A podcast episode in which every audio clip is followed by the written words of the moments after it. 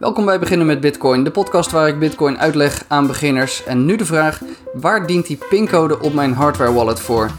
En uh, ik ga het ook even hebben over het wachtwoord wat bij de software komt die op jouw computer staat. Waar, waar is dat wachtwoord voor? Nou, als je de vorige aflevering luisterde, dan weet je hoe belangrijk die seed is, die backup woorden.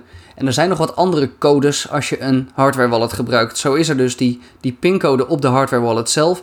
En er is een wachtwoord uh, waarmee je de software van je computer unlockt. Ga ik het allebei even over hebben.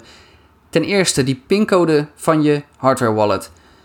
Die pincode die gebruik je als je je hardware wallet wil unlocken om uh, bijvoorbeeld transacties te doen.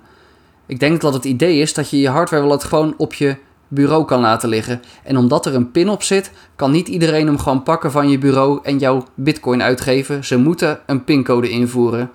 En als je een paar keer de verkeerde code invoert, dan vergeet jouw hardware wallet, die vergeet al zijn geheimen. En dan kan de inbreker die, uh, die dat ding van je bureau heeft gehaald, die kan die bitcoin helemaal niet meer uitgeven met, uh, met die hardware wallet.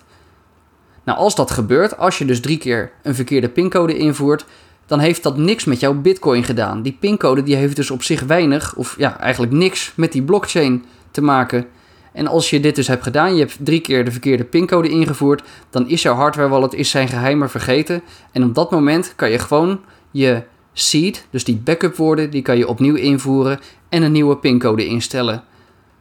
Dus die pin die is er echt om je geheimen te beschermen op je hardware wallet en die hebben niks met blockchain of met bitcoin direct te maken. En zolang je dus die seed hebt, die, die, die 24 woorden, dan mag je die pin, die kan je gewoon vergeten.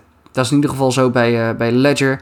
Misschien werkt het bij andere wallets net anders. Maar het idee is dat je met die seed kan je altijd uh, jouw bitcoin weer gaan uh, controleren en uitgeven. Dan was er nog dat tweede wachtwoord waar ik het over wilde hebben. En dat is het wachtwoord op de software op je computer.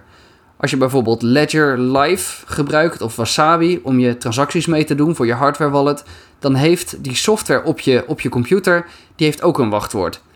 En dat wachtwoord is puur bedoeld om te zorgen dat iemand die jouw uh, computer hackt of uh, iemand die uh, dat, dat programma aanklikt als jij niks vermoedend wegloopt van je computer, dat hij niet je bitcoin kan zien. Als je was vergeten om je scherm te lokken bijvoorbeeld. En ik vermoed, maar dat weet ik niet zeker, dat de meeste software dat wachtwoord ook gebruikt om de data op je harde schijf te versleutelen. Maar dat zal per wallet wel wat verschillen.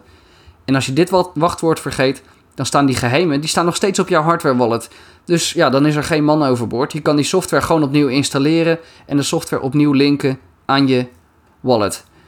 Conclusie, zowel die pincode als die code van je software mag je vergeten zolang je die seed maar hebt. Dat was het voor deze QA. Tot de volgende keer. Blijf je vragen sturen via de Telegram die je vindt via beginnenmetbitcoin.com.